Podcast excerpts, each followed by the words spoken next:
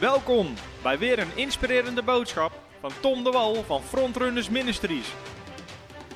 We bidden dat je via deze aflevering geïnspireerd wordt in je leven met God en opgebouwd wordt in je geloof. Oké, we gaan het hebben over offeren. We zijn bezig met een serie over offers. De eerste uitzending heb ik gedaan over verkeerd offeren in Gods huis. Verkeerde offers in Gods huis. Gaat over de manier waarop offers worden opgehaald vaak. Waardoor ze worden aangekondigd. En vanavond wil ik het hebben over welgevallig offeren aan God. Nog heel eventjes een samenvatting. Vorige keer heb ik het gehad over tien manieren van offeren. Of offers ophalen moet ik zeggen. Die niet goed zijn. Ja, niet bijbels zijn. ehm, en wat er gewoon niet goed werkt. En ik ga ze heel even samenvatten. Wat waren de tien manieren? Nummer één, geen onderwijs geven over offeren, geven en vrijgevigheid. In heel veel kerken, op heel veel plekken, op heel veel conferenties wordt nooit iets gezegd over geven, zaaien en oogsten, vrijgevigheid. In één keer is daar een offermand, een slide om te geven. Er is niks aangekondigd, wordt niks uitgelegd. De Bijbelse principes worden niet geleerd. Eh, en in één keer is daar iets. Nou, dat is niet Bijbels, want het woord van God geeft ontzettend veel onderwijs over offers en geven. Paulus geeft veel onderwijs over offer en geven. Jezus geeft veel onderwijs over offer en geven. In het Oude Testament zijn heel veel richtlijnen voor offer en geven. Dus het is gewoon een onderwerp waar de Bijbel heel veel onderwijst. Dus daar geen onderwijs over geven is niet goed.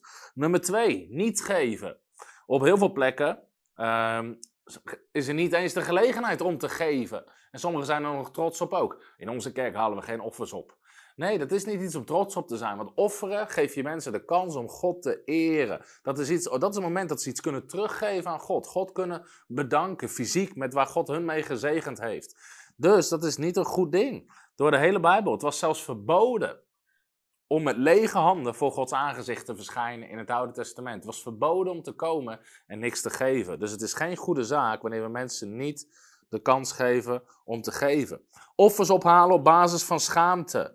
Uh, ja, ik weet dat het vervelend is dat we deze dienst even moeten onderbreken. Uh, maar we moeten toch echt nog even een collecte ophalen. Mensen schamen zich voor het feit dat ze een offer ophalen voor de Heer. Dat ze mensen de kans geven om te geven aan de Heer. Dat is niet de bedoeling. Sociaal geaccepteerd geven. Uh, het geld dat u in deze collecte geeft is niet voor de bediening of voor de kerk. Dit gaat allemaal naar de voedselbank. Alsof het verkeerd is om te geven aan de kerk, aan de bediening, aan de man of vrouw van God, aan de prediker. Weet je, sociaal geaccepteerd geven. Geven op basis van wederdiensten. Stroopwafels, auto's wassen, loten kopen, van alles en nog wat komt er langs, waardoor mensen proberen dingen te financieren. Geven op basis van medelijden. Hoor je ook soms bij voorgangers of bij predikers. Als ik in de wereld had gewerkt, had ik een goede baan gehad, maar nu heeft God me de bediening ingeroepen en nu heb ik het. Nee, nee, nee, nee, dat is niet hoe het werkt. Dat is niet hoe het werkt. Geven op basis van medelijden is ten eerste absoluut fout. En sowieso geloof ik dat dat een klap is in het gezicht van God. Sorry dat ik het zo zeg, maar als mensen zo praten. Als God je werkgever is, God voorziet. En God voorziet goed voor je leven als jij er geloof voor hebt. Als je wandelt in zijn principe en wandelt in zijn zegen. Dus als iedereen die zegt, um, ik had een goede baan, maar nu werk ik in de bediening. Als dat je getuigenis is naar God, je werkgever, zou ik zeggen, ga uit de bediening en pak weer die goede baan. Als je het daar liever over hebt. Geven op basis van noodzaak. Ik wil dat iedereen weet op deze conferentie, elke stoel kost ongeveer 20 euro. Dan kunnen we mee licht en de geluidband betalen. Ook de band moest betaald worden. Dus nee, nee, nee, we geven niet op basis van noodzaak. Je geeft om God te eren. Niet omdat een stoel 20 euro kost. Geven op basis van manipulatie. Dat kan zijn als u niet geeft, dan. Als u niet geeft, kunnen we deze kerk niet betalen. Um, of als u geeft, dan. Als u geeft, um, hoor ik soms ook wel eens, als mensen zoveel euro geven, dan gaan hun kinderen tot geloof komen. Nee, dat is manipuleren. Geven uitsluitend om het evangelie te verspreiden. Alles wat u geeft gaat alleen maar naar de volgende campagne. Het gaat niet toe naar de mensen die hier werken. En aan de ene kant is het mooi om alleen maar aan het evangelie te kunnen geven, maar je geeft mensen een beeld dat de, dat de mensen die werken voor de bediening geen eten, geen salaris nodig hebben en dat dat eigenlijk een mindere gift is.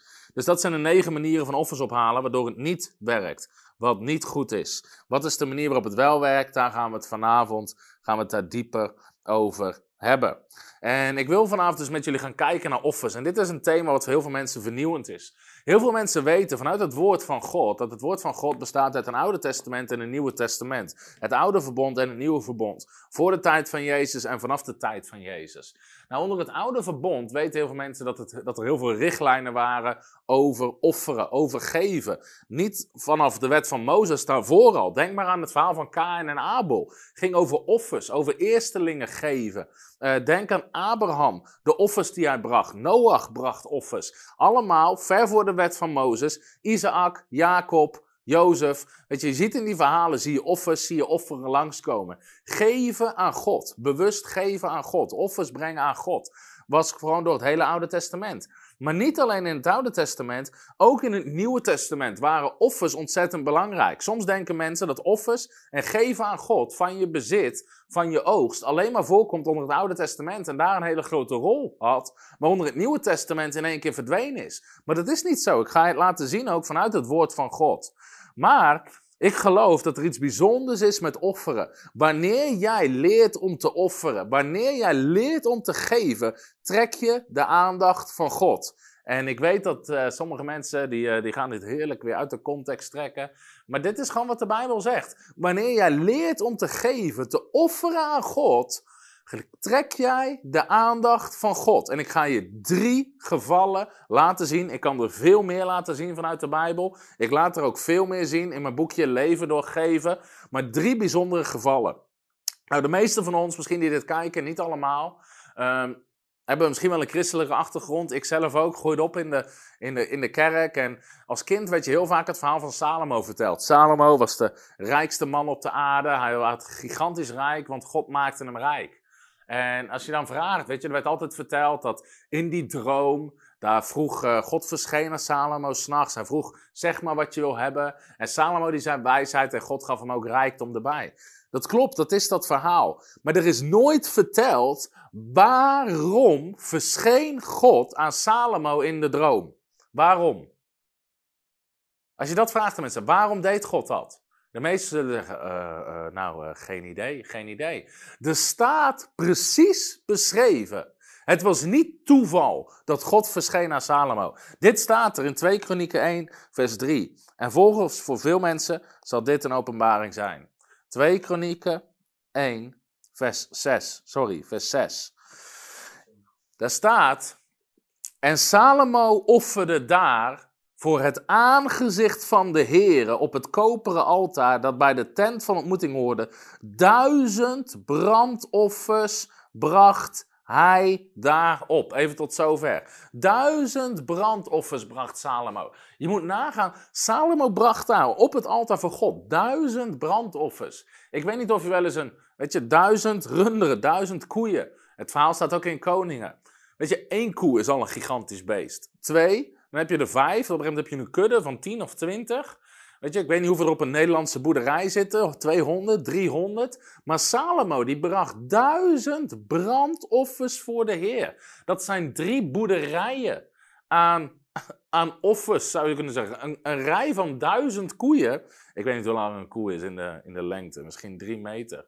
Maar dat is duizend koeien keer 3 meter is 3000 meter. Als, als die beesten in een rij stonden, was het 3 kilometer lang aan koeien. Die Salomo aan het offeren was, aan het geven voor God. En dan zegt de Bijbel dit.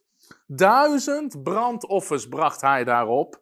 En in die nacht, in die nacht, verscheen God aan Salomo en zei tegen hem: Vraag wat ik u geven zal. Vraag wat ik u geven zal.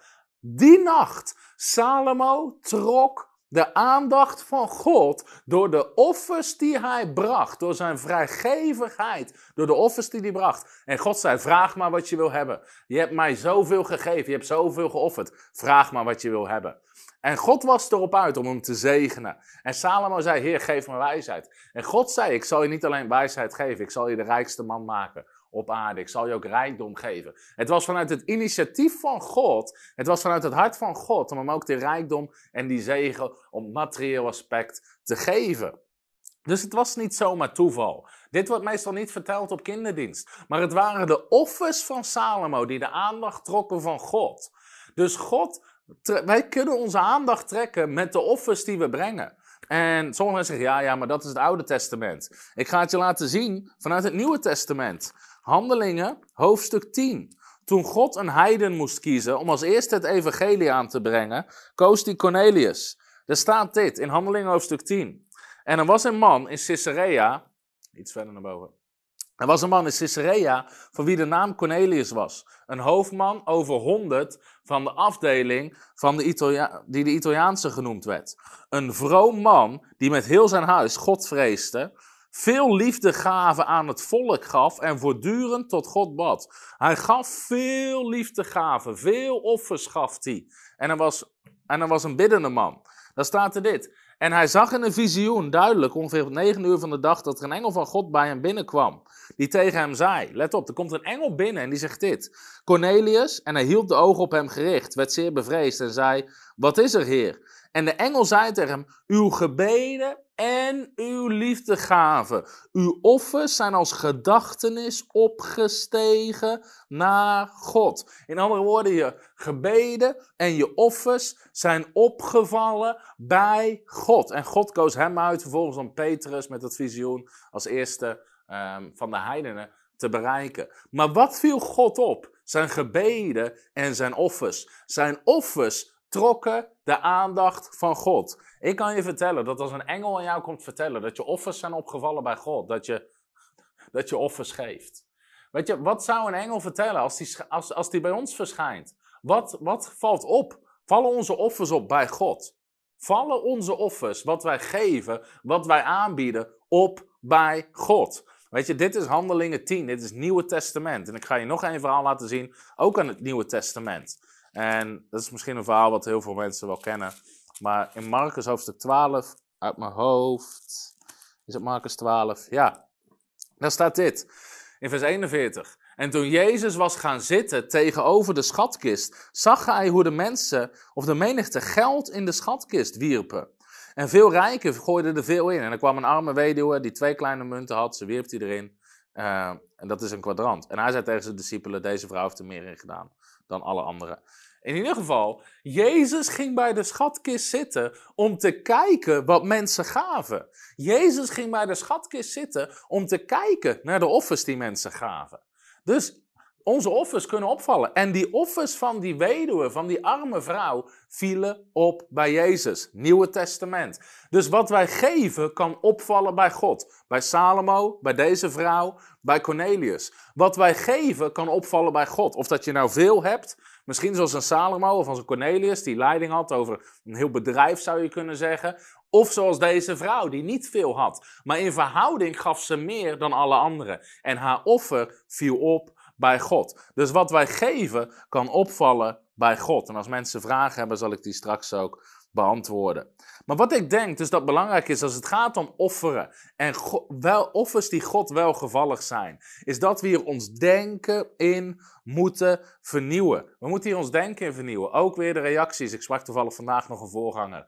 Die zei dat de uitzending van de vorige keer zoveel had losgemaakt, ook bij mensen om hem heen. Weet je, ik zag het ook aan de reacties van mensen. Dat sommige mensen, weet je, maar ook mensen die gewoon niet hun denken daarin willen vernieuwen. Er was iemand die zei, joh, geef gewoon onderwijs over een Bijbels thema, niet hierover. Dit is een Bijbels thema. Ik heb het vorige keer gezegd. 1500 teksten gaan over geld, offeren, geven, vrijgevigheid. Hier hebben we een verhaal van Jezus. Verhaal na verhaal van Jezus gaat hier over onderwijs van Paulus. Dit is een Bijbels thema. Maar veel mensen willen er niks over horen, omdat ze liever blijven zitten in hun gierigheid dan dat ze stappen in vrijgevigheid.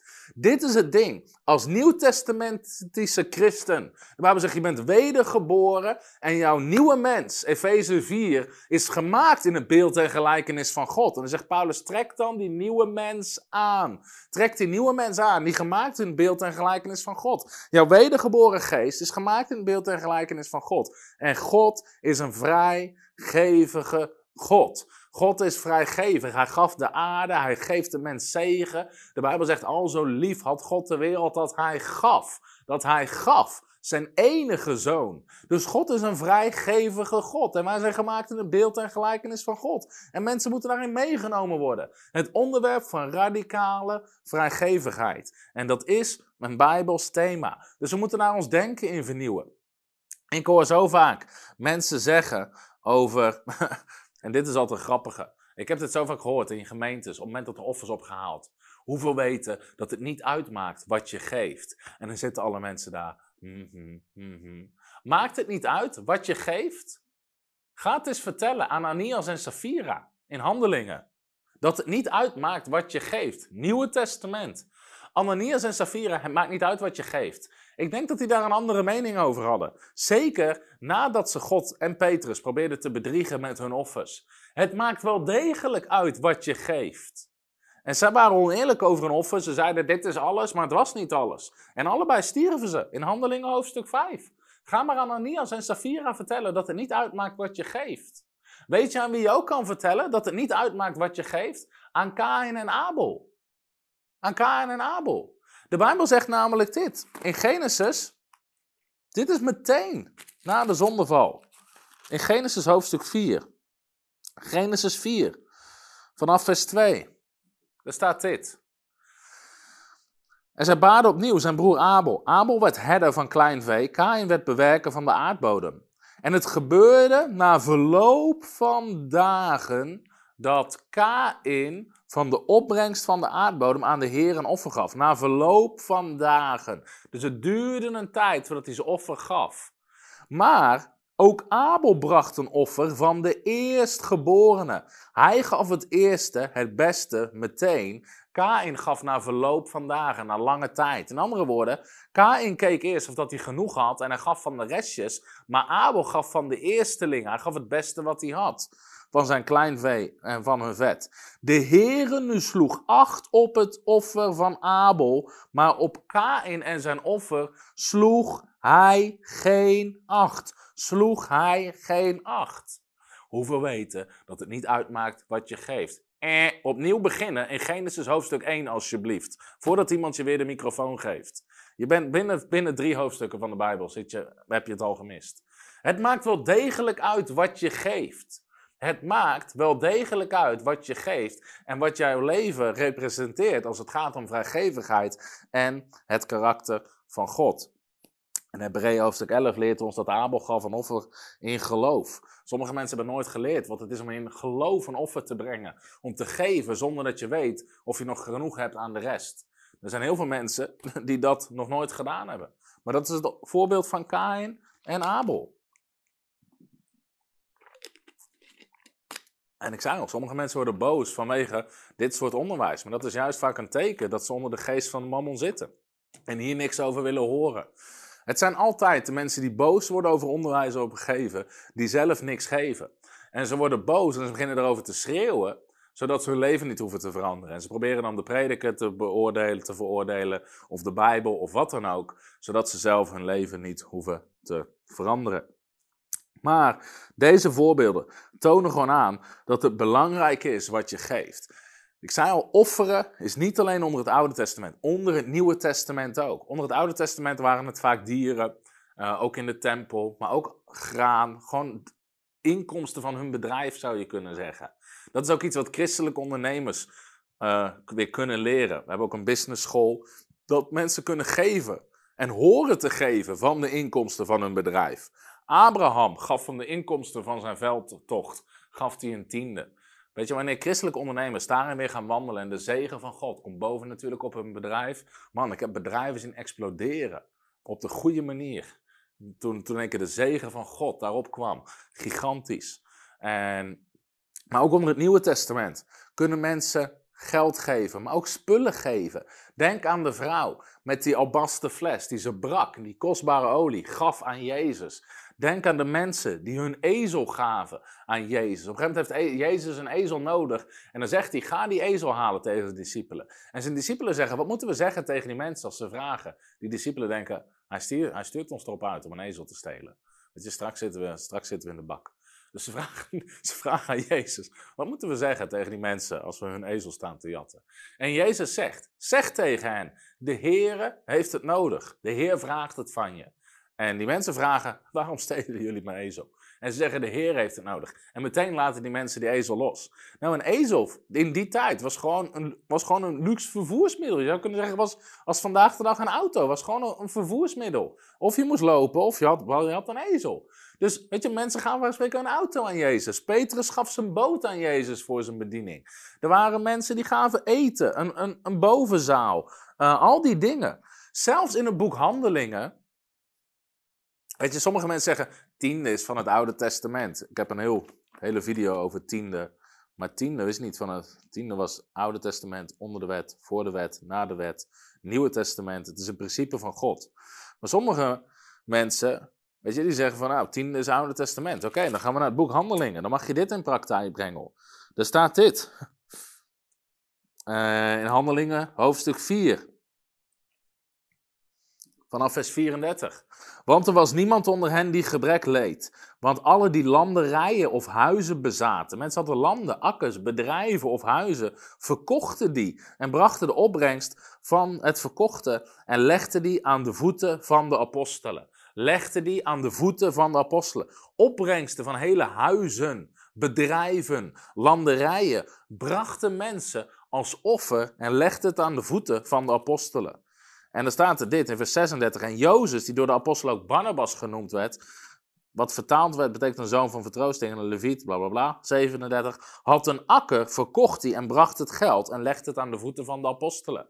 Oké, als jij gelooft dat tiende alleen maar onder de wet was in het Oude Testament, dan gaan we toch dit praktiseren van het Nieuwe Testament. Verkoop je je huis, je akker, je bedrijf en dan leg je dat neer aan de voeten van de apostelen. Dan zijn heel veel mensen in één keer heel blij met tiende. Nee, nee, ik uh, doe wel gewoon uh, tiende. Om aan te tonen, het gaat om radicale vrijgevigheid. Waarom was trouwens hier, dat is misschien wel interessant voor mensen om te weten, waarom verkochten mensen hier in één keer hun huizen, hun landerijen, van alles en nog wat? Omdat het, het is heel bijzonder geïnspireerd door de geest. Om later bracht er een hongersnood uit, maar ook vervolging. Dus die mensen die moesten verspreiden. Dus het is bovennatuurlijk hoe ze alles al van tevoren verkochten, waren voorbereid op die vervolging en daardoor dus geen bezittingen meer hadden. Um, dus ze hoefden geen bezit achter te laten, want ze hadden het verkocht. Dat was bovennatuurlijke leiding van de Heilige Geest. Maar goed, Nieuwe Testament zie je gewoon hoe belangrijk geven is. En dit is ook iets goed om mensen, voor mensen om te zien dat als het gaat om offers in het Nieuwe Testament, onder het Oude Testament werd gezegd dat die dieroffers, die offers die gebracht werden, dat die welgevallig waren voor God. Dat dat een aangename geur was voor God.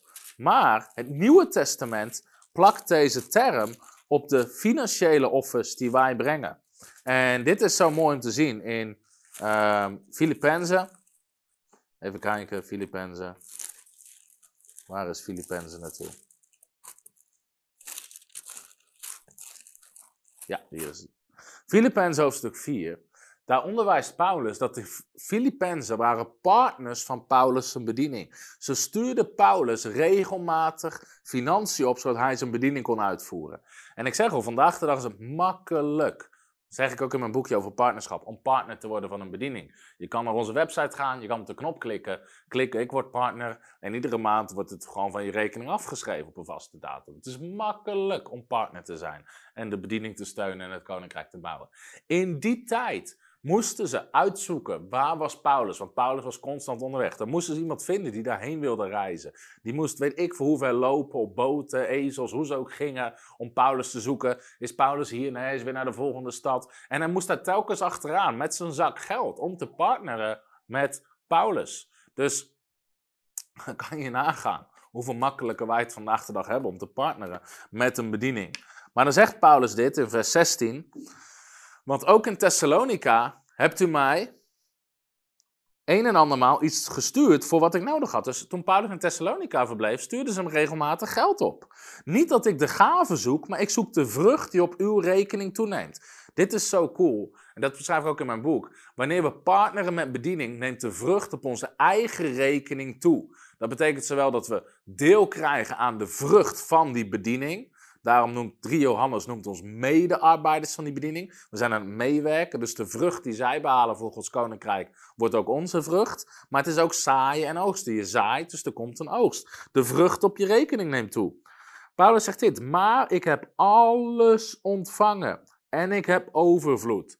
Hoeveel weten dat Paulus altijd arm was? Maar ik heb alles ontvangen en ik heb overvloed. Oh nee, Paulus gelooft toch niet in het overvloed-evangelie? Oh jongens toch. Ik ben geheel voorzien. Nu ik door middel van Epaphroditus, als je nog een mooie naam zoekt voor een van je kinderen, ontvangen heb wat door u gezonden was. Als een aangename geur. Als een aangename geur. Een welgevallig offer, welbehagelijk voor God. Hoe noemt Paulus dat geld wat hem gestuurd werd in de bediening? Hij zegt: Het is een aangename geur, een welgevallig offer, welbehagelijk voor God. Welbehagelijk voor God. Maar mijn God, zegt, dit is zo mooi, zal u overeenkomstig zijn rijkdom voorzien. Paulus zegt hier, ik ben geheel voorzien, want ze hadden gezaaid. En dan zegt Paulus, hey, God gaat dit terug zegenen. Mijn God zal u overeenkomstig zijn rijkdom voorzien in alles wat u nodig hebt. In heerlijkheid door Christus Jezus. Nou, om even aan te tonen, sowieso hoe krachtig deze principes zijn. Maar Paulus noemt dat geld wat gegeven wordt een welbehagelijke, aangename, welgevallige geur, offer voor God. Dus mensen zeggen, het maakt niet uit wat je geeft. Het maakt wel uit. Het kan God eren. Het kan aangenaam zijn voor God. Daarom moeten mensen zich niet schamen om in diensten, conferenties, kerken, daar gewoon tijd voor te nemen om mensen de gelegenheid te geven om een offer te geven. En ze moeten zich er niet voor schamen, want het is iets wat aangenaam is voor God, waar je God mee eert. Welgevallig voor God. Nou, als je vraagt in een dienst, hoeveel mensen willen God welgevallig zijn? Hoeveel mensen willen aangenaam zijn voor God? Hoeveel mensen willen, willen God eren? Weet je, dan steekt iedereen zijn hand op. Oké, dan komt nu het moment om te offeren. En wat jij geeft, wat jij zaait in de bediening, is jouw kans om God te eren en te geven. Dit is zo belangrijk als het gaat om offeren. Dit is Nieuwe Testament. Nieuwe Testament, niet Oude Testament. Nou, hoe moet je wel offers ophalen? Wat is belangrijk om te offeren? En ik wil er nog één uitzending over doen. Het allereerste wat belangrijk is, en dat heb ik nu al aangehaald, dus die koppeling is heel makkelijk, dat wanneer je geeft, en ook als je offers ophaalt, of wanneer mensen offers ophalen, wat moet je de mensen leren? Nummer 1, je eert God. En als er vragen zijn, zal ik ze straks behandelen, beantwoorden. Um, stel die dan in de reacties aan het eind. Want dan heb ik ze allemaal bij elkaar. Nummer 1. Wat leer je de mensen? Is je eert God wanneer je geeft. Het geven is de kans om God te eren. Nou, Spreuken hoofdstuk 3 is hier ontzettend duidelijk over. Spreuken hoofdstuk 3. Psalmen, Spreuken 3. Daar staat dit. Vereer de Heer met je bezit. Vereer de Heer met je bezit. Met de eerstelingen van heel je opbrengst. Dus wat jij opbrengt, wat jouw inkomen, wat er bij jou binnenkomt. Met het eerste of het beste, of de tiende zou je kunnen zeggen. Geef je eer aan God. Dan zullen je schuren gevuld worden met overvloed. Zie je, er zit een belofte aan vast. En je pestkuipen overlopen van nieuwe wijn. Van nieuwe wijn. Oké. Wat staat hier? Vereer de Heer, eer God met je bezit. Wanneer we mensen de kans geven om te geven, geef je ze de kans om God te eren. En wanneer je christen bent, wanneer je wedergeboren bent, zou je wens van je hart moeten zijn om God eer te geven. Om God eer te geven. Nou, wat er zelf staat, dat woord eer, is ook het woord gewicht. Is het woord gewicht. En je kan het zelfs vertalen als taxeer. Taxeer, je kan je voorstellen, bijvoorbeeld met een bepaald gewicht konden ze vroeger dingen taxeren. Aan de ene kant had je bijvoorbeeld een gewicht van 10 kilo en dan kon je aan de andere kant, weet ik veel, bessen, druiven, iets, meel, kon je daar hangen om te taxeren. Hoeveel is dit? Er staat eigenlijk, taxeer God met je bezit. Met wat jij geeft, laat je zien hoeveel God waard is voor jou. Om het zo maar even te zeggen. Als je bereid bent om veel te geven, veel te offeren, veel los te laten, laat je zien welke plek God inneemt in je leven. Het was de evangelist Billy Graham die zei, en Billy Graham is een gerespecteerd iemand in de hele kerkelijke beweging. Die zei aan iemands bankrekening moet je kunnen zien of dat God op de eerste plek staat in zijn leven of niet. En dat is precies wat Jezus zegt. Zet het koninkrijk op de eerste plek en al die andere dingen worden je erbij gegeven. Dus dat moet zichtbaar zijn. Eer de Heer met je bezit. Nou, in Malachi hoofdstuk 1, daar zien we dit. Over eer. Dit is niet Malachi 3 over 10, dit is Malachi hoofdstuk 1. Dit is nog zoiets. Het maakt niet uit wat je geeft aan God. Oké, laten we eens kijken wat de Bijbel zegt in plaats van wat jij zegt. Malachi hoofdstuk 1, vanaf vers 6. Een zoon eert zijn vader en een slaaf eert zijn heer. Als ik, zegt God, een vader ben, waar is de eerbied voor mij? Als ik een heer ben, waar is de vrees? Waar is het ontzag voor mij? Dus God zegt, als ik jullie vader ben, als ik jullie heer ben, waarom eren jullie mij niet? Zegt de heer van de legermachten. Waardoor ver, uh, maar u zegt, waardoor verachten wij uw naam? Dus mensen reageren van, ja maar, hoezo bedoel je, we eren u niet? Doordat u onrein brood op mijn altaar brengt. En u zegt, waarom maken we u rein? Doordat u zegt, de tafel van de Heer is verachtelijk. En als u een blind dier ten offer brengt, zegt u, dat is niet erg. Als u een kreupel of ziek dier ten offer brengt, zegt u, dat is niet erg. Bied het maar eens aan uw landvoogd aan. Zou hij u goed gezind zijn? Nou, dit stuk zie je dus. God klaagt het volk aan en die zegt, jullie eren mij niet. Er is geen eer voor mij. En mensen zeggen, ja, maar hoezo eren wij u niet? En dan zegt God, als jullie iets moeten offeren, dan breng je een blind dier of een ziek dier. Dus iets wat weinig waarde had, wat ze niks kostte, wat ze makkelijk konden missen. Dus die mensen gingen op zoek, ze moesten een offer brengen voor God. Ze liepen naar hun, naar hun vee toe en ze dachten, nou, wat gaan we eens brengen aan de Heer? Nou, daar liep daar zo'n blind schaap pok tegen een paal aan. Oh ja, nou pak die maar, die kunnen we toch wel missen, dat is prima. Weet je, lag er nog geen ziek op de grond. Ach, weet je wat, die gaat toch bijna dood. Brengen we die ook aan de Heer. En, en dat waren de offers die ze brachten. Goedkope offers. Dingen die ze makkelijk konden missen. En God zegt: Als ik een Heer ben, waar is de eer? Eer me niet. Je geeft het beste. Geef de eerstelingen. Geef het beste. Oude Testament en Nieuwe Testament. Dus geef iets wat God eert. Andere vertaling in Spreuken 3, vers 9. De MBV zegt: Eer de Heer met je rijkdom, met het beste van je oogst. Nummer 18, vers 12. Al het beste van de olie, het beste van de nieuwe wijn en het koren en hun eerstelingen zullen zij aan de Here geven. Nou, dit is gewoon het principe. Geef wat God eert. Geef iets wat God eer brengt. En dat kan voor iedereen verschillen.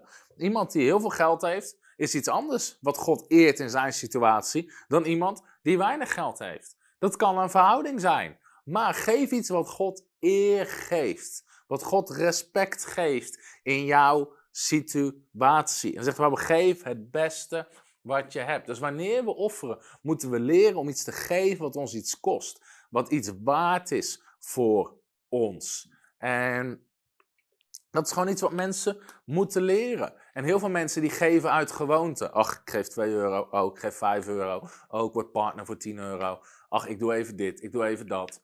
En in plaats van, hey, dit is mijn kans om God te eren. En niet gewoon standaard iets te pakken van je weet, ik kan het makkelijk missen, dit merk ik toch niet.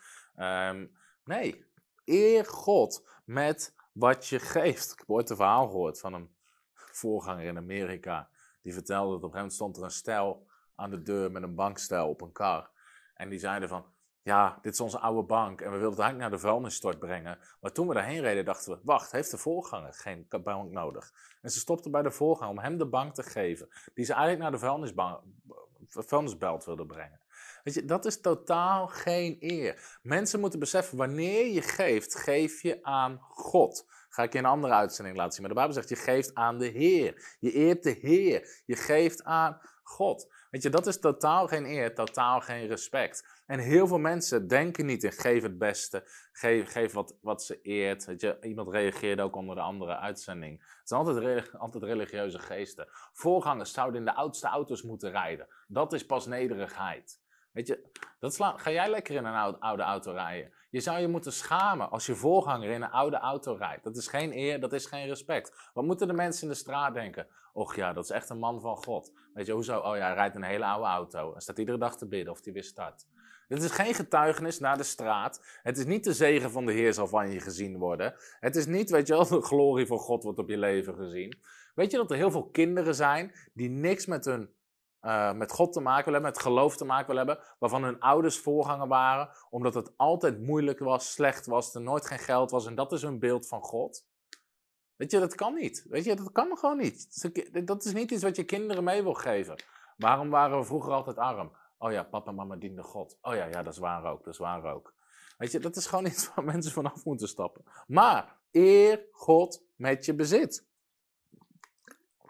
En geef het beste. En dat kan voor iedere situatie anders zijn. En sommigen jullie weten dit, maar we hebben, uh, ik weet niet meer, het was een tijdje geleden, een auto gegeven aan iemand. En dat was de, de zoon van, uh, van Jan Sjoerd. Jan Sjoerd, uh, toen hij nog leefde, had Jan Sjoerd ooit gevraagd aan mij, omdat ze hadden zelf eigenlijk niet echt verstand van auto's en kenden niemand met een garage. Ze hadden, hun zoon had een nieuwe auto nodig, die is voorganger.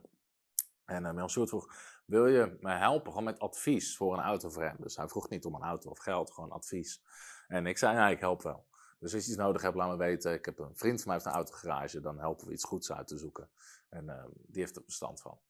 In ieder geval, er kwam toen nog niks van en Jan Short die overleed. En, uh, maar goed, elke keer kwam dat bij me terug dat Jan Short had gevraagd aan mij of ik hem wilde helpen voor zijn zo'n auto. Dus ik belde zijn zoon op. Ik zei, joh, weet je, dit heeft je vader toen gezegd. Um, ik wil je helpen. Wat, wat, wat, wat heb je nodig? En gewoon, uh, maar goed, ah, weet je, we hebben niet geld voor een auto of dit, maar ze hadden eigenlijk wel heel hard een andere auto nodig. En ik wilde ze gewoon helpen met iets te zoeken. En terwijl ik gewoon bezig was om iets te zoeken, sprak God tot me. En God zei: geef een auto. Betaal jij de auto voor hun. En meteen op dat moment, weet je, het is niet altijd, soms denk je, auw, oeh, weet je, een auto kopen voor iemand, weet je, eerst, soms moet je eerst een keer slikken. En, uh, maar goed, ik dacht, oké, okay, halleluja, we gaan een auto kopen voor ze, gaan gewoon een auto weggeven. En wat koop je dan? Koop je dan de oudste, goedkoopste auto die je kan vinden? Koop je? Nee. Weet je, ik, gegeven moment vroeg joh, zei wat denk je? Ik had niet gezegd dat ik me ging geven, het was een verrassing. Maar ik zei, als jullie op een dag een nieuwe auto kopen, moeten we weten waar we moeten kijken. Wat denk je van dit en dit model? En ik had, ze hadden zeven persoons nodig, dus ik dacht van, joh, moet iets goeds hebben, wat veel kilometers mee kan, wat lekker zit. Dus ik had een zeven persoons uh, BMW. En, en daarna zei ja, maar dat, nee, dat is veel te gek en dat kunnen we niet betalen. En, maar goed, dan wist ik niet van, oké, die vindt hij mooi, hij kan hem alleen niet betalen. Dus ik ging het uitzoeken en we vonden een super mooie 7 persoons BMW. Bijna geen kilometers op de teller. Uh, echt schitterende auto. In ieder geval, ik ging die auto kopen voor hem. Was ook een grappig verhaal, want ik zat in die garage. En uh, die man vroeg, uh, vroeg wat dingen over waarom je een andere auto koopt. Dus ik zei op een gegeven moment, joh, ik zei, nou, hij is niet voor mij. Ik geef hem weg. En die man in die garage, die, wist niet hoe hij het had. Die wist niet meer wat hij moest zeggen. En hij zei van, maar dit hebben we nog nooit meegemaakt. En, uh, en maar goed, hij werd, daar in ieder geval door geraakt. Was een mooi getuigenis. In ieder geval, wij hebben die auto gegeven aan ze. Dat was een hele mooie verrassing. Maar achteraf kregen we kritiek van christenen. Waarom geef je een auto weg? Waarom geef je geen goedkope auto weg? Waarom geef je geen oude auto weg? Weet je, wat is er in je hart als je liever ziet dat iemand gezegend wordt? Gezegend wordt met een oude, goedkope auto, met, in plaats van gewoon een nieuwe, goede auto. Weet je, sommige mensen worden boos. Er was zelfs iemand die mailde van, omdat jullie dit soort dingen doen, stop ik met geven. Maar goed, dus ik zei tegen Roel, onze office manager, ik zei, stop zijn naam eens in het systeem. Die man had nog nooit 1 euro gegeven. Hij dreigde met stoppen te geven van iets wat hij nog nooit had gegeven. Nou, kerel, misschien ben je gestopt. We hebben het niet gemerkt. Dus ik denk niet dat het zo heel veel was. nee, sowieso, je hebt nooit gegeven, man.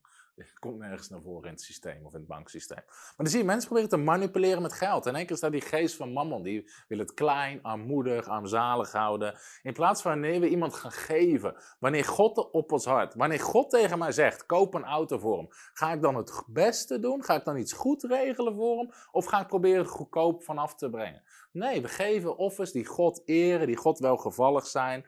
En wat hem gewoon eer geeft. Dus leer mensen om te geven wat eer geeft. Nummer twee, wat moet je mensen nog meer leren? En nogmaals, je mag straks vragen stellen. Ik ga vragen beantwoorden.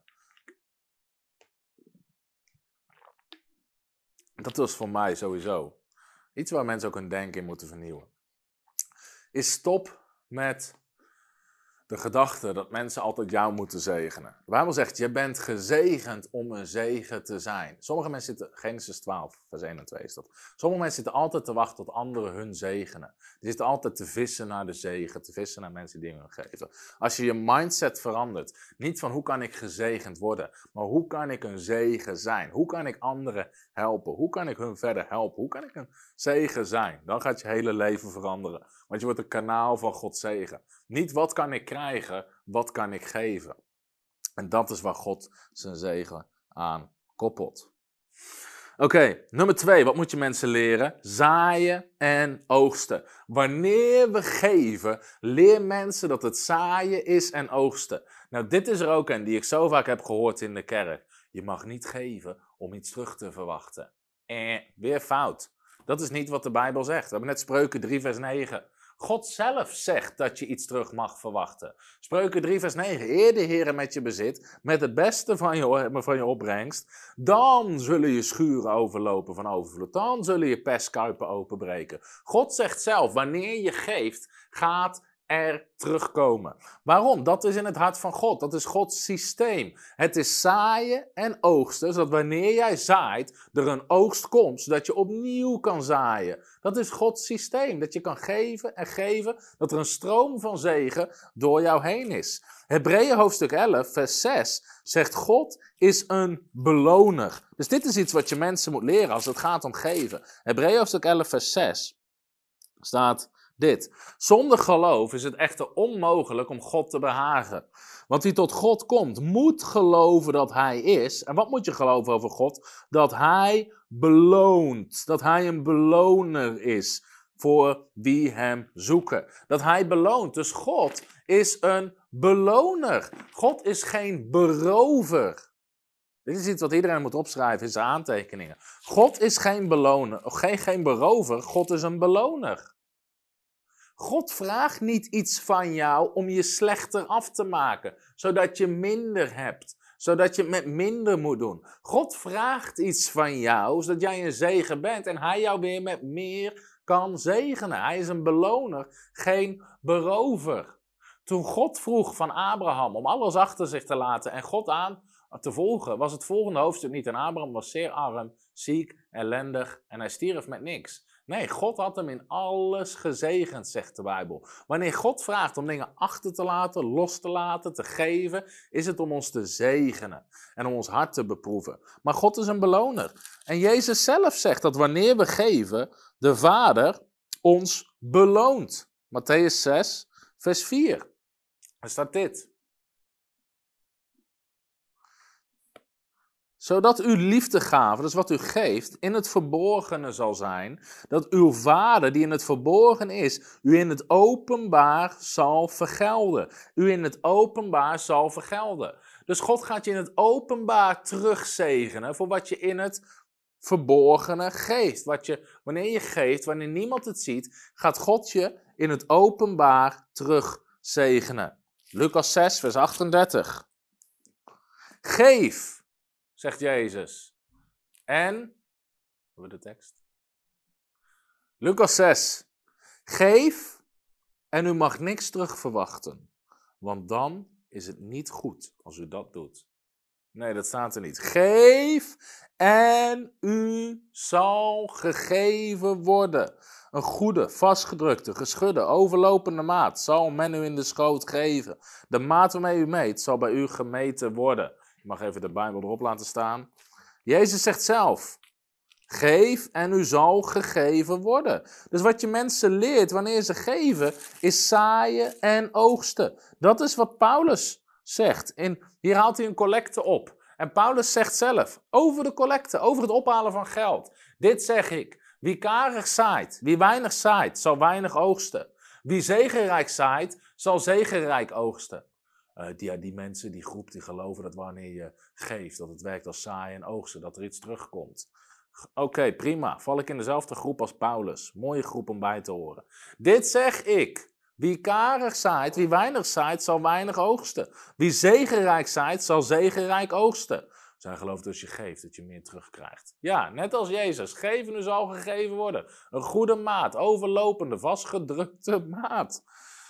Laat ieder doen zoals zijn hart voorgenomen heeft. Nou, dan staat er dit in vers 8. En God is bij machten iedere vorm van genade overvloedig te maken. Dat we kunnen geven is genade van God. En God wil dat overvloedig maken in u, zodat u, wanneer u in alles, altijd, al het nodige bezit, overvloedig kunt zijn in elk goed werk. Het is de wil van God dat je kan geven en geven en geven, omdat het is zaaien en oogsten. Er komt iedere keer meer binnen. Dan staat er dit. Hij nu die de zaaier zaad verschaft. God geeft zaad aan de zaaier, geeft brood tot voedsel en doet uw zaaigoed toenemen. Doet uw zaaigoed toenemen. Dus dit is het plan van God. God geeft zaad aan de zaaier. Als jij een zaaier bent, geeft God je altijd meer zaad om meer te zaaien. Zodat je in alles rijk zal worden, in alle vrijgevigheid. Dat je in alles altijd al het nodige bezit om overvloedig te kunnen zijn in elk goed werk. Dat is het plan van God. Dus wat je mensen moet leren is zaaien en oogsten. En ik heb zoveel mensen gehoord die altijd zeiden: van ja, maar je mag niet geven om iets terug te verwachten. Jawel, het is zaaien en oogsten. Ik verwacht oogst wanneer ik geef. Ik zet mijn geloof op oogst. Dat is wat Jezus ons leert, zodat je daarna weer meer kan geven. Weet je, mijn schoonvader is akkerbouwer. Die, hij is elk seizoen aan het zaaien. Als ik tegen hem zeg, hé, hey, maar je, je mag niet zaaien, in de hoop dat er iets terugkomt, hè? Dan zit hij me echt zo aan te kijken van, waar is mijn dochter mee? waar is het fout gegaan? Weet je, een boer weet heel goed hoe zaaien en oogsten werkt. En Jezus vergelijkt het. Met, Paulus vergelijkt het met zaaien en oogsten Jezus. Dus wanneer we geven, mogen we wel degelijk verwachten om iets terug te krijgen. Omdat God het ons belooft. En daar zetten we ons geloof op. We verwachten dat. En wanneer het terugkomt, geven we weer meer. Dat is hoe Gods systeem werkt. Dus wat je mensen moet leren, is zaaien en oogsten. Is zaaien en oogsten. En ik ga er nog één delen. En dit is iets wat mensen, wat je, uh, als het gaat over wat moet je mensen leren over offeren. Als het gaat om een christen, ik heb het niet over ongelovigen die in een dienst komen. Maar wat we moeten leren is dat wanneer mensen gediscipeld moeten worden, dat het erbij hoort om te geven aan het koninkrijk. Om het koninkrijk te bouwen. En ik zou bijna willen zeggen, een christen is verplicht om te geven. Een christen is verplicht om te geven. Heel veel mensen kennen alleen deze tekst. God heeft een blijmoedige gegeven lief. En um, die zeggen, ja, God heeft een blijmoedige gegeven lief. Dus als je niet blij bent, hoef je niet te geven. Nou, er zijn wel meer teksten. Ten eerste, als je niet blij bent om te geven aan het koninkrijk, dan is er iets mis. Waarom zou je daar niet blij mee zijn?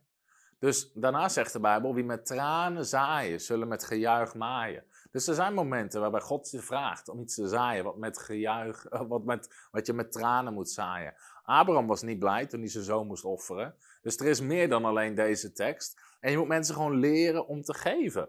En als christen is het je plicht om het koninkrijk van God te bouwen. Onder andere met je financiën. Galaten 6 zegt Paulus dit. In vers 7 eh, of vers uh, eh, 6. Laat hij die onderwezen wordt in het woord. Dus wanneer je onderwijs krijgt vanuit het woord van God, in alle goede dingen delen met hem die onderwijs geeft. Een andere vertaling zegt van zijn bezittingen, van zijn bezit delen met hem die onderwijs geeft. Dat is gewoon een opdracht. Wanneer je onderwezen wordt, moet je delen van hetgene wat je hebt met degene die onderwijs geeft. Dwaal niet. God laat niet met zich spotten. Wat de mens zaait, zal die ook oogsten. Dus dat is hoe, wat Paulus erover zegt. Bovendien zegt Paulus in 1 Korinthe 9, dit is ook een goede voor mensen om te horen. Die vraag krijgen we de volgende keer ook. Van, ja, maar waarom heb jij er geen baan naast? Nou goed, weet je, ik heb al verteld, ik ben niet de enige. We hebben hier 10, 11 mensen die hier heel de week voltijd zitten te werken aan de bediening. Hoe moet ik, wat, je, wat moeten we doen met een baan ernaast? Als je hoofdroeping is het koninkrijk van God. En voor andere mensen is dat misschien niet zo, maar voor ons wel. God heeft ons voltijd geroepen. Ik kan het niet eens in mijn eentje. We hebben tien anderen en honderd vrijwilligers nodig om de bediening te runnen. En we zijn nog mensen extra erbij aan te nemen. Het zou zonde van mijn tijd zijn om er een baan bij naast te zoeken. Um, Paulus zegt dit in 1 Korinthe 9. Laten we dit is, dit is ook zo'n ding. Mensen geloven altijd dat, dat, um, dat iedereen er een baan naast moet hebben. En zeggen, ja, maar Paulus was ook tenten maken. Mag heel even teruggaan. Paulus was tentenmaker. En omdat Paulus, maar hij ontving ook offers van gemeentes, hebben we net gezien. Paulus was tentenmaker, want hij vaak naar heidense gebieden ging. Bijvoorbeeld naar de Korinthe, waar we zo meteen over gaan lezen. En hij wilde niet, als hij daar binnenkwam, en die mensen geloofden niet eens dat hij meteen hun geld nodig had om die gemeente te stichten. Vanwege manipulatie en al die dingen. Plus, dat is niet gezond. Het is niet goed om iets van de ongelovigen aan te nemen. Zegt 3 Johannes ook. Ze nemen niks aan van de ongelovigen. Daarom moeten mensen met ze partneren met die bedieningen. Zodat ze niet die nieuwe gemeentes, nieuwe mensen, die bekeerlingen of nog niet bekeerlingen nodig hebben. Want dan krijg je een heel fout systeem. Maar Paulus zegt zelf dat hij dat vrijwillig doet. Hij voorzag vrijwillig in zijn eigen inkomsten, zodat mensen hem niet konden manipuleren met hun geld. En zodat hij dus niet tot last was van ongelovigen die nog niks wisten over, over het evangelie en puur dachten dat hij geld kon halen. Paulus zegt dit: Hebben alleen ik en Barnabas geen recht om niet te werken? In andere woorden, ik heb het recht, zegt Paulus, om niet te hoeven werken. Maar wat Paulus zegt: Wie dient ooit in het leger en betaalt zijn eigen soldij? We hebben twee mensen die bij frontrunners werken, die in het leger hebben gezeten. Ehm, in ons fulltime, uh, in ons fulltime team.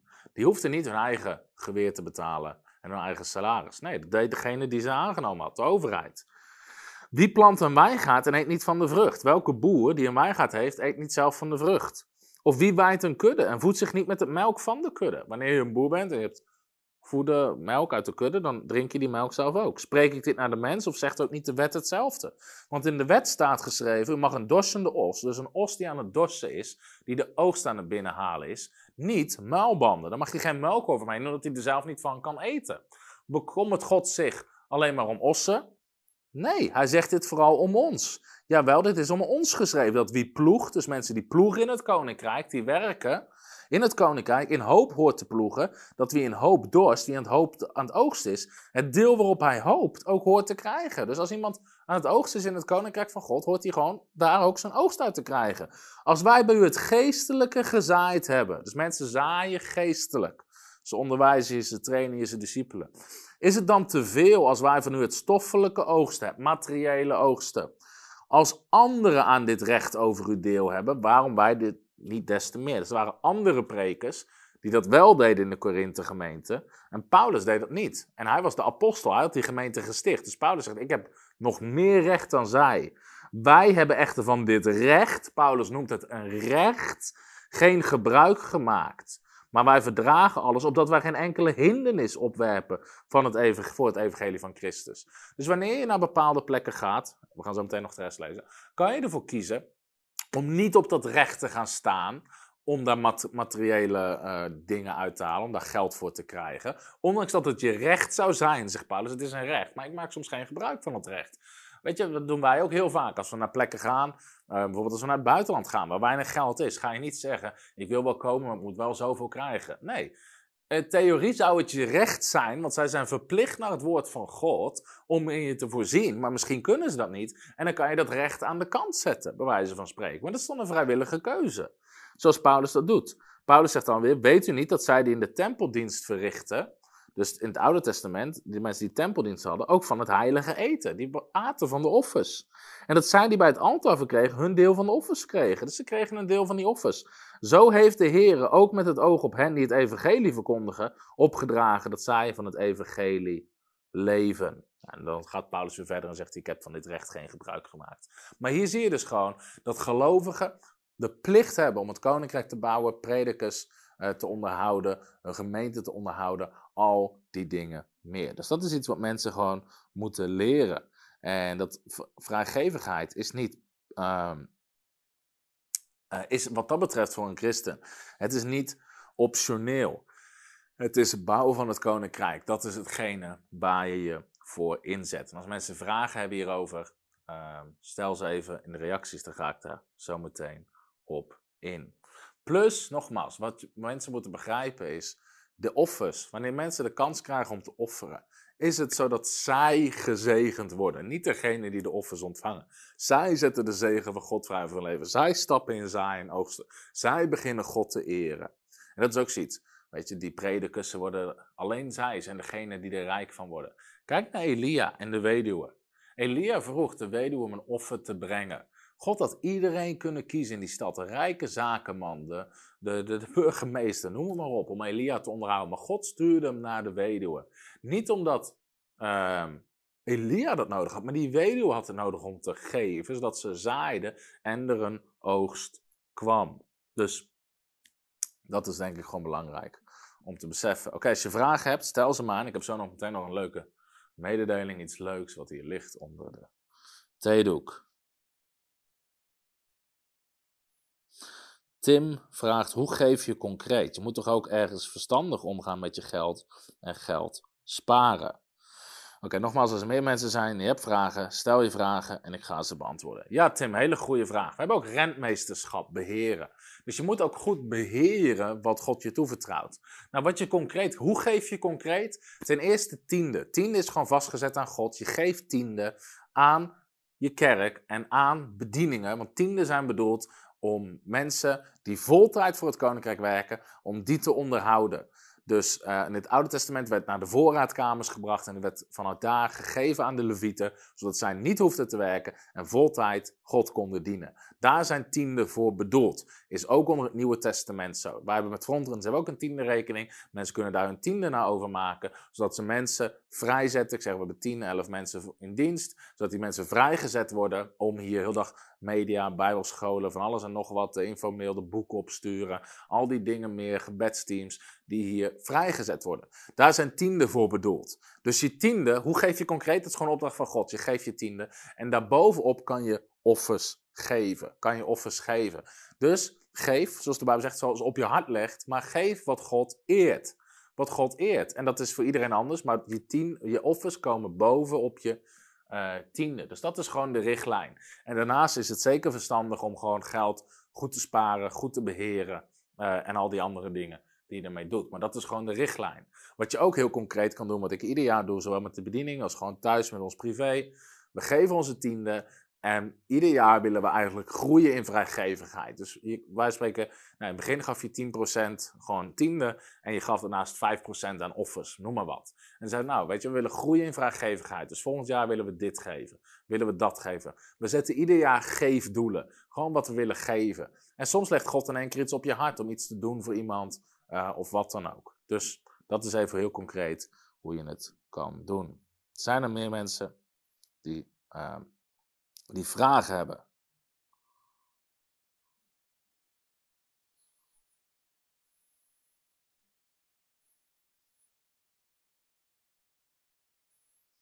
Ik zie degene reageren die, uh, die genezen is van uh, schildklier. Super. Prijs God. Zijn er nog meer vragen hierover? Anders ga ik zo meteen door naar de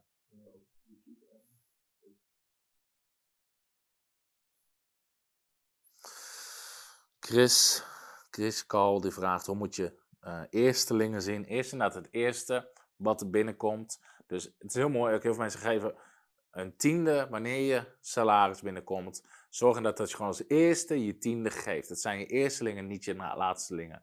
Voordat je je geld en allerlei andere dingen uitgeeft, geef eerst God. Geef eerst de Heer. Eer Hem als eerste met waar je dingen aan uitgeeft.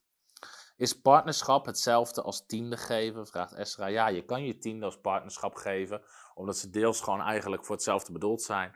Uh, want ook met je partnerschap ondersteun je gewoon mensen, ondersteun je de bediening, kunnen mensen aannemen, et cetera. Dus we hebben ook heel veel mensen die inderdaad hun tiende in de vorm van partnerschap uh, geven.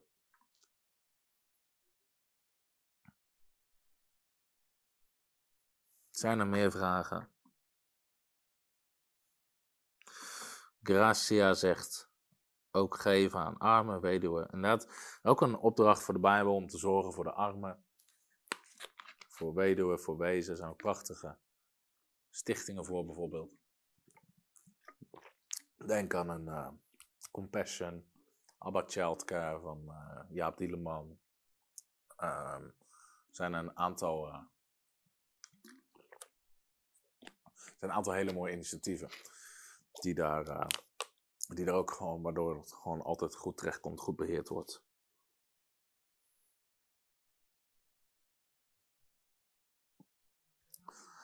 Chris vraagt: Is het verkeerd om te offeren als je, uh, als je bijvoorbeeld een financiële doorbraak wil?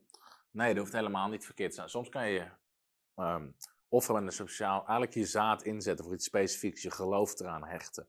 Dus we doen dat zelf ook wel eens. Of ik zaai, we gaan in geloof voor een nieuw gebouw. Dus ik begin te zaaien in andere mensen die een nieuw gebouw aan het afbetalen zijn, aan het kopen zijn.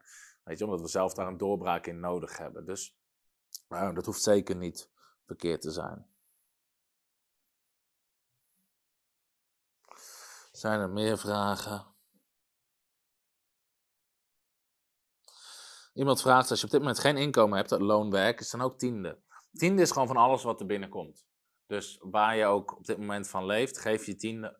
Uh, zou ik zeggen, dat is mijn advies, als wat God vraagt. Dat God zegt, dat gaat met zijn zegen komen. En uiteindelijk ga je meer overhouden met tiende. Omdat God zijn zegen erover gaat gebieden. Oké, hele goede vraag. Geef je tiende bruto of netto? Ik vraag altijd, wil je bruto of netto gezegend worden? Dat is mijn tweede vraag. Maar even serieus, aan de ene kant, je moet helemaal zelf weten. Ik geloof in het principe van tiende geven over je bruto. Als het gaat om je bedrijf, geef je geen tiende om je omzet. Want dat kan niet, je hebt niet eens altijd 10% marge. Um, maar je geeft tiende over je bruto salaris. Uh, en, in je, en in je bedrijf gaat het over je winst. Maar uh, waarom geloof ik dat het gaat om je bruto salaris? Want toevallig is het zo. Kijk, net als ZZP'er is het zo dat je werkt, weet ik veel, 40 euro per uur. En dan moet je uiteindelijk moet je zelf die belasting overmaken. Maar um, dat is eigenlijk wat je krijgt. Nou, in loondienst wordt dat al voor je achtergehouden. Maar dat is eigenlijk wel wat je verdient. Dus um, eigenlijk is dat gewoon je gehele inkomen. Ondanks dat er een gedeelte naar de Belastingdienst gaat. En het feit dat we meer aan de Belastingdienst moeten, moeten geven, betekent niet dat we minder aan God moeten geven. Nou, dat is even een theoretisch verhaal. We hebben ook boeken van, uh, me het eens op de gang kunnen kijken. Hebben we nog een boek van Michiel Koelewijn over tiende en over uh, en Gods economie? Hebben we daar dozen staan? Um, in Nederland is het wel zo dat wanneer je tiende geeft, en je geeft aan geregistreerde ambi-organisaties, zoals bijvoorbeeld Frontrunners, wij zijn een ambi, veel kerken zijn een ambi, dan um, hoeveel dozen hebben we nog? Je eens kijken? Michiel Koelewijn is trouwens ook een goede vriend van mij, die legt het ook heel goed uit. Weet je, we laten dus ook wat van dit soort boeken gewoon weggeven om mensen te zegenen.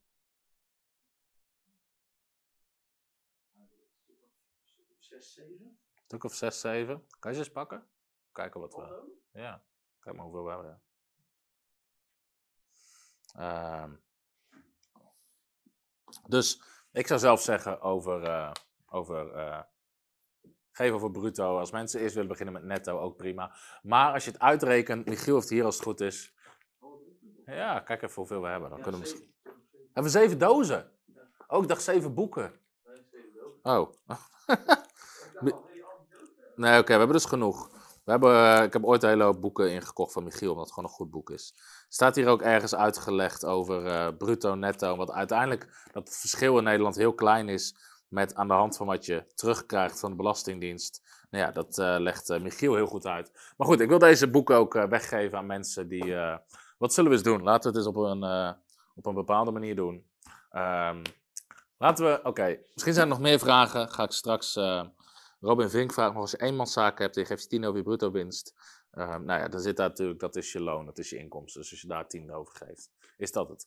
Voordat we dat gaan doen, heb ik een leuke mededeling. Dus uh, daar komt hij, daar komt hij, daar komt hij. Namelijk dat vanmiddag kreeg ik een pakketje met de eerste paar van mijn nieuwe boeken. En het boek Supermens is binnen. De grote oplage die komt nog, want dit is puur even een pakketje zodat wij wat promo-video's, foto's kunnen maken. 16 mei komt die uit samen met mijn boek De Kracht van de Waterdoop. Dus 16 mei, die zondagmiddag, volgens mij om 2 uur of zo, gaan we online zetten in de webshop. Komt hij er gratis op. Maar deze versie, deze, dit is een hardcover, dus dit is een harde kaft. En uh, deze speciaal voor al onze partners. Dus als je partner bent van Frontrunners, krijg je deze versie. Heeft drie uh, mooie luxe leeslint om bij te houden. Uh, waar je bent. Het is echt hele mooie kwaliteit, mooi ingebonden. Echt een chic boek. Speciaal om al onze partners te bedanken. Als je nog geen partner bent van Frontrunners, word partner. Ga naar www.frontrunnersministries.nl. Klik op partner worden. Misschien staat de link wel in de omschrijving. Anders ga naar de website, word partner, help ons mee zoveel mogelijk mensen te bereiken. We geven al onze boeken gratis weg, de bijbelscholen zijn gratis, de video's zijn gratis. We trainen letterlijk duizenden mensen voor het Koninkrijk van God. Als jij partner wordt, heb je deel aan die vrucht, ben je aan het zaaien, komt er oogst. Maar willen je ook gewoon bedanken met wat wij kunnen, namelijk gewoon dit chique boek geven. Uh, maar ik ben echt heel blij. Hij is echt heel mooi geworden. Hij is uh, heel mooi en overzichtelijk van binnen. Kan je natuurlijk lastig zien uh, op de camera. Maar um, hij is echt prachtig geworden. En staat die camera dichterbij of staat hij uitgezond? Ja, is denk ik nog steeds. mooie quotes. Aan het eind van ieder hoofdstuk staan reflectievragen, een samenvatting. Dus dit geven aan al onze partners. Dus als je nog geen partner bent, word partner. We hebben er nog 750 over. Dus voor de, ook de eerstkomende 750 nieuwe partners krijgen dit boek. Willen we je mee zegenen. Krijg je de speciale hardcover versie.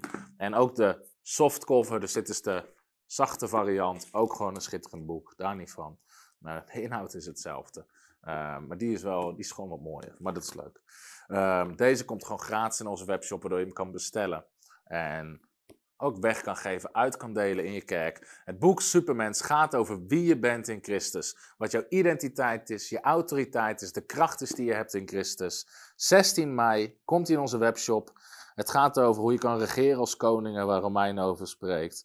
Uh, hoe je kan functioneren onder de kracht van de Heilige Geest, onder de zegen in plaats van de vloek. Autoriteit hebt over de duisternis. Gewoon alles wat je in Christus hebt ontvangen. Dit boek gaat echt een game changer zijn. Dus uh, Nogmaals, ik wil je gewoon uitnodigen. Word partner van Frontrunners. Krijg je deze mooie versie. Wil je ook gewoon zegenen. Je krijgt ook mijn boekje. De kracht van de waterdoop. Een schitterend doopboek. Dus dat is, uh, dat is uh, prachtig. Um, wat we gaan, met dit, uh, wat we gaan doen met, dit, met deze boeken. Um, laten we het eens zo doen. Ik wil je uitnodigen ook gewoon om te geven. En dan willen we je gewoon bedanken. Dus we sturen je deze boeken op. Als je nog geen partner bent, word partner naar aanleiding van deze uitzending. En uh, laten we het eens zo doen. Iedereen die, uh, die vanavond of deze week, iedereen die voor, wat is het? Het is nu dinsdag. Laten we aan mensen luisteren dit morgen nog, overmorgen. Iedereen die voor vrijdag partner wordt, sturen we deze twee boeken ook naar je op. Gewoon om je extra te bedanken. Van Michiel Koelewijn, Gods Economie en 10%. En misschien ben je al partner, maar wil ik je uitnodigen. Uh, of misschien ben je geen partner, maar Maak er gift over. Naar aanleiding van deze uitzending, ga naar onze website, ga naar eenmalig geven. En geef iets wat God eert in jouw situatie. Laten we nog één keer die tekst lezen van Paulus. Weet je, sommige mensen zijn wel gewend om te geven in diensten en conferenties, maar niet voor livestreams. Terwijl ook livestreams is gewoon het woord van God wat onderwezen wordt. Een bediening die onderwijst. Um, weet je, en dat is ook iets waar mensen kunnen leren om te geven. Maar maak een gift over in jouw situatie. Paulus zei overgeven. Wie karig zaait, heb je die camera? Wie karig zaait, zal karig oogsten. Wie zegenrijk zaait, zal zegenrijk oogsten. Dus um, eigenlijk zegt hij, wie veel zaait, zal ook veel oogsten. Dus ik wil je uitnodigen, maak een gift over naar aanleiding van deze uitzending. Kan de hoofdcamera weer?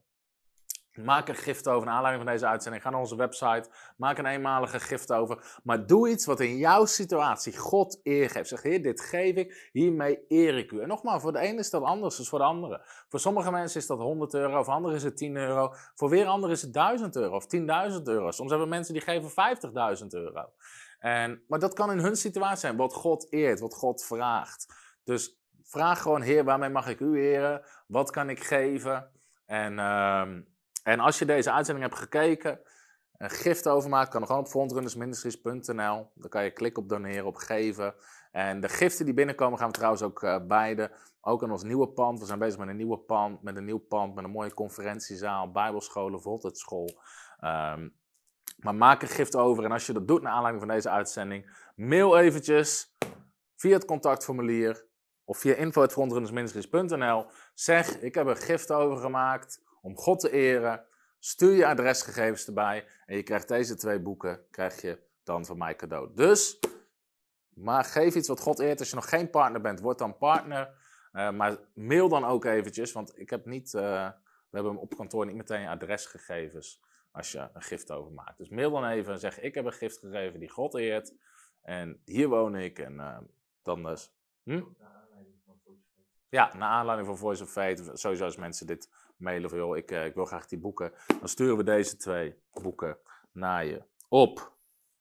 Amen. Laten we het op die manier doen. Dus uh, op dit moment neem gewoon de tijd. Ik ga de livestream af, uh, afsluiten. Word partner, geef, wil je gewoon zegenen. En um, hou 16 mei in de gaten. Zet het in je agenda. 16 mei, 2 uur, half drie s middags, komt het boek in onze webshop. Je kan er ook bestellen voor vrienden, voor familie. Iedereen heeft het nodig om te horen wie je bent in Christus. Dus uh, deze kan je dan gewoon bestellen. Staat gratis in de webshop. Je betaalt alleen de verzendkosten. Gaat een geweldig cadeau worden. Ik hoop dat je genoten hebt van deze uitzending. God zegen en tot de volgende keer. Wil jij geestelijk groeien, je roeping ontdekken, ontwikkelen in onderwerpen zoals Gods stem verstaan, genezing en bevrijding? Volg dan nu de Frontrunners Bijbelschool op www.bijbelschool.tv. Ga in je eigen tijd en tempo door de 150 videolessen met handouts heen en volg zo een parttime Bijbelschool.